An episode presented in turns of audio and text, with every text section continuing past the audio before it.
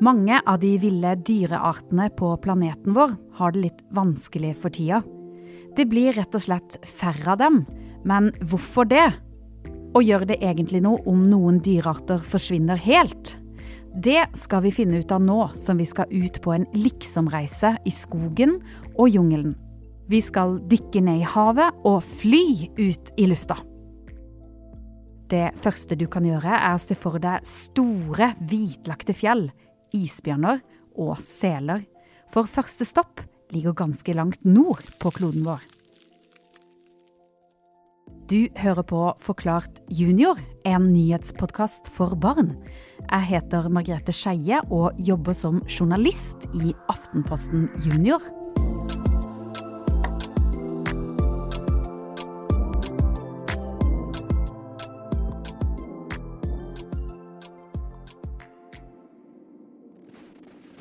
Har reist en liten liksomtur til Svalbard.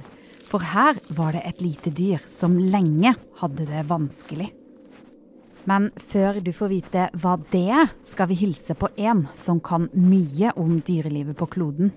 Jeg heter Ole Mattismoen, og jeg er journalist i Aftenposten. Og jeg er 59 år gammel. Mange av dere kjenner kanskje igjen Ole fra tegneserien Grønne greier bakpå Aftenposten Junior. Og jeg er veldig glad i naturen og har mange favoritter. Eh, men det kanskje skumleste opplevelsen jeg har hatt med dyr, det er nok i en regnskog en gang hvor jeg skulle gå sammen med en, eh, en, fra urfolkene som bodde der, altså en som lever inne i regnskogen, og så sa han hvis du sklir i denne gjørma, så må du ikke gjøre sånn som du ville gjort, nemlig holde deg fast i det nærmeste treet. Og så tenkte jeg nei, nei, det skal jeg la være med.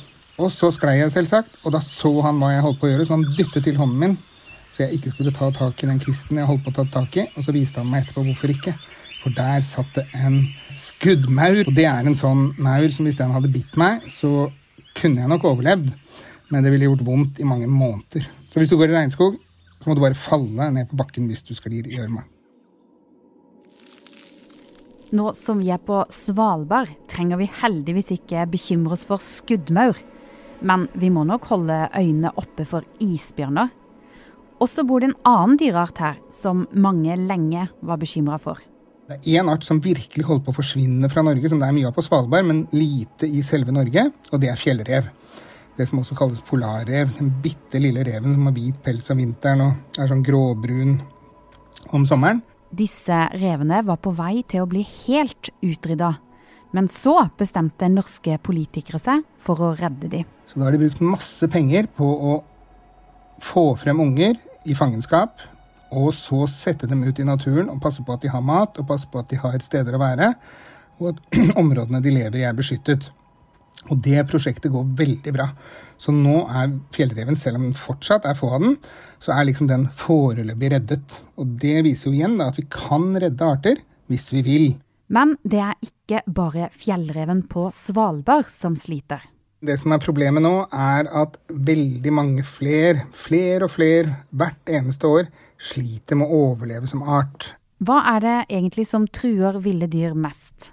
De to viktigste tingene nå, det er at vi ødelegger leveområdene til dyrene. Det betyr altså at vi, at vi ødelegger der hvor de bor. Vi bygger ned naturen, vi forurenser havet. Det er den ene viktige grunnen. Hvert minutt mister vi skog i hele verden på størrelse med 27 fotballbaner, ifølge miljøorganisasjonen Verdens naturfond. Og så er Den andre viktige grunnen er klimaendringer.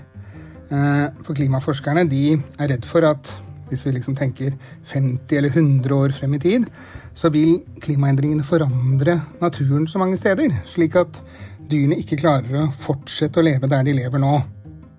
Det her virker litt skummelt. Må vi endre måten vi lever på helt? Altså Klimaendringene kan virke ganske skumle. For det er ganske skumle ting som kan skje, og som skjer når liksom vær og klima på kloden blir forandret.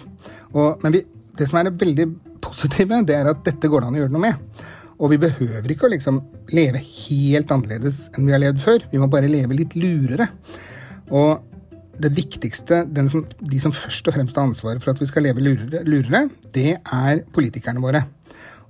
de må bestemme lure ting som skal skje i samfunnet. Som at det, blir, at det er mer tog og mer buss og mer sykkelstier og mindre eh, biltrafikk. Det må politikerne bestemme. Og så vi følge, må vi følge det de foreslår, og det de gjør. Nå klatrer Ole og meg opp i det kjempehøye grønne treet som står rett der borte, og ut på den tykke greina. Og når vi har balansert helt ut hit, hopper vi opp på ryggen til den store kongeørna som står her og venter på oss. Juhu! Mens vi flyr rundt her oppe, kan ikke du fortelle oss mer om hvordan det står til med fuglene på kloden, Ole? Nei, Det blir færre og færre fugler, og det er mange årsaker til det også. Man tror at klimaendringer er en årsak. Jakt er en annen ting som gjør fuglers liv vanskelig. Eh, men også at det drives veldig mye F.eks. de fuglene som vi har i, eh, i, Norge om sommeren, som kalles for trekkfugler, de flyr jo sørover i Sør-Europa og til Midtøsten og til Afrika om vinteren. Og der drives det mye jakt på dem, og den jakten er blitt mer og mer effektiv, dessverre. Sånn at det er mange som blir fanget hver eneste vinter, og færre som kommer tilbake om våren. Eh, og det samme gjelder fuglene over hele Europa og i USA også. Mens vi flyr videre, forteller Ole hvorfor den ville naturen er så viktig for fuglene. De trenger skog, de trenger vill mark, og når ikke de finner det, så klarer de ikke å legge egg, og da klarer de ikke å få unger, og ungene klarer ikke å vokse opp, og så blir det færre. Men selv om klimaendringer og det at vi mennesker kutter ned mye skog, gjør det vanskelig for eh, fuglearter, er det faktisk noen som klarer seg bedre enn før. Både grågås og hvitkinngås og kortnebbgås de har vært truet av utryddelse. De siste ti årene er det blitt veldig mange flere. Og En av grunnene er at våren kommer tidligere i Nord-Norge og på Svalbard. og De kan fly opp, og de får grønt gress med en gang de kommer, og kan beite og legge egg og få unger. Mens de før måtte kjempe mot vinter og snø til langt utpå sommeren, så møter de sommeren og våren mye før nå. Så man kan si at gjessene er en slags klimavinner. Så heldigvis er det noen det går bra med også. Under oss ser vi nå en stor, grønn, jungelaktig skog. Dette er Amazonasregnskogen i Sør-Amerika. Og her går kongeørnen inn for landing. I dag så finnes det regnskog i eh, deler av Afrika. Og så finnes det regnskog i, litt regnskog igjen i Asia. Og så finnes det ganske mye regnskog fortsatt igjen i Sør-Amerika, det som kalles Amazonas. Og Ole, husk å ikke ta på noe da, hvis du sklir i gjørma. Du vet jo aldri hvor skuddmaurene gjemmer seg. Regnskogen er en helt, helt spesiell natur hvor det finnes veldig mange arter. Hvis du går 100 meter den veien og 100 meter den veien, og lager en firkant med 100 meter i hver retning, så er det ti ganger så mange arter innenfor det området enn det er i hele Norge. Mange dyre- og insektarter og fugler er altså helt avhengige av det litt spesielle, fuktige miljøet som finnes i en regnskog. Og Det som er problemet nå, er både i Asia og i Afrika og i Sør-Amerika så hogges regnskogen for å gi plass til å ha store flokker med kuer og kveg for at man skal produsere kjøtt, eller produsere palmeolje, eller produsere soyabønner. Og så tenker man der sånn som man har tenkt i Norge og i Europa før, Nemlig naturen den er uendelig. Den kan vi bare ta av. Men det er den ikke. Og det som skjer i regnskogene, det er kanskje det mest dramatiske angrepet på verdens natur som pågår. Det pågår der. Men hva med de ville dyrene som bor i skoger og jungler i resten av verden da, Ole? Hvordan går det med dem? Nei, det, det, er veldig stor forskjell rundt i verden hvordan ville dyr har det. Um, i noen land, sånn som i Norge, så har ville dyr det ganske bra. Og Norge har vært flink til å lage nasjonalparker og naturreservater for de store dyrene våre. Men også i Norge så sliter veldig mange små dyr. Biller, biller og sommerfugler og villbier og andre. De har problemer fordi at vi, det blir mindre og mindre vill natur igjen i Norge også. Og det samme problemet har vi over hele verden, med ulike typer arter i ulik type natur. Enten det er regnskoger som hogges ned, hvor dyrene øh, jages vekk eller drepes. Det er på tide å reise videre. Vi setter oss opp på ryggen til kongeørna, for siste stopp på reisen vår er det store, blå havet. På vei bort skal du få ukas quiz-spørsmål. I forrige episode så spurte vi dere om hvilket program Chris jobba i, og det var selvfølgelig NRK sitt FlippKlipp. Vinnere som får T-skjorte i posten, det er Kasper på åtte år, Cornelia på seks fra Høvik, Daniel på ti og hele 6B på Harestad skole i Randaberg. Og om du har fulgt godt med på denne episoden, så tipper jeg du nok vet svaret på dagens spørsmål. Hvor i Norge bor det mest polarrev? Vi vil ha svar fra både deg og gjerne hele klassen din også, om dere hører på det her sammen, da. Og da må dere sende svaret inn på mail til mlsalfakrøllap.no, og alle vinnere får så klart en Forklart junior-T-skjorte. Vi har kommet frem dit vi skal, og lander i sjøen denne gangen. Nå skulle vi kanskje hatt en dykkermaske og en snorkel. Hold pusten, nå dykker vi ned i havet. For hvordan står det egentlig til her?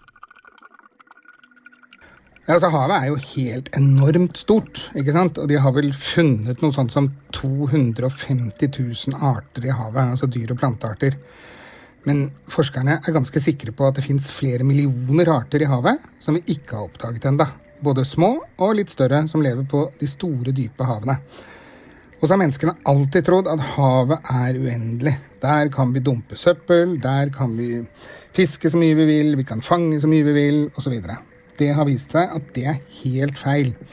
Eh, for det første er det mange store sjøpattedyr og fiskebestander rundt i verden som er enten helt kollapset, altså ødelagt allerede, og det er bare noen få fisk og, og sjøpattedyr igjen. eller de holder på å bli, eh, bli, bli, truet og stoppet. Og det vil bli et kjempeproblem, ikke bare for fiskene og naturen i havet, men også for menneskene som trenger havet for å skaffe nok mat. Men hva kan vi mennesker gjøre for å stoppe at det skjer? Sånn som i Norge har vi vært flinke i mange år. Og vi har f.eks. fått tilbake en stor tunfisk som heter makrellstørje utenfor kysten vår. Eh, den var helt borte. Og så sluttet vi å fiske på den i store deler av Atlanterhavet. Fisket i hvert fall veldig lite og nå er den tilbake igjen. Og Det samme var blåhvalen. Den var nesten helt utryddet for 60 år siden. Nå blir det flere og flere og flere av den, selv om den også fortsatt er truet, fordi at vi har sluttet å fange den. Vi svømmer opp igjen til overflaten. Sammen med Ole har jeg møtt så mange fine dyr, og jeg lurer litt på hva vi mennesker kan gjøre for at naturen og de ville dyrene skal få det bedre. Altså Mennesker er heldigvis utstyrt med en veldig fin hjerne, som klarer å tenke og lage ideer og finne opp nye ting. Og det må vi fortsette med, og det er den eneste måten vi kan løse dette på, er at flest mulig av oss, helst alle sammen, skjønner at vi kan ikke fortsette som vi har gjort til nå. For da går det galt både med naturen og med hele planeten. Ole sier det er flere positive ting som skjer akkurat nå, annet Parisavtalen, hvor alle land i verden har lova at de skal kutte klimautslipp og at Joe Biden snart starter jobben som president, for han er også veldig opptatt av klima. Og så er det mange andre land som nå har kommet med nye løfter om hva de skal gjøre i årene som kommer. Og til sammen så går dette veldig i riktig retning.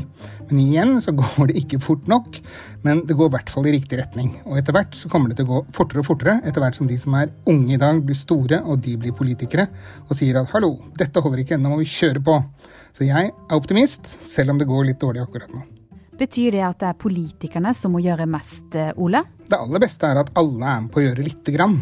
At, no, at, noen kan gjøre veldig mye, sånn som en statsminister og en president. De kan bestemme ting som gjør at utslippene i hele landet faller veldig fort. Men heller ikke en statsminister eller en president klarer å gjøre dette alene. Han eller hun må ha med seg alle folkene som bor der, og alle må gjøre lite grann hver. Og så kan vi gjøre litt mer i år enn vi gjorde i fjor, og til slutt så det, går det i riktig retning, og da blir det bra.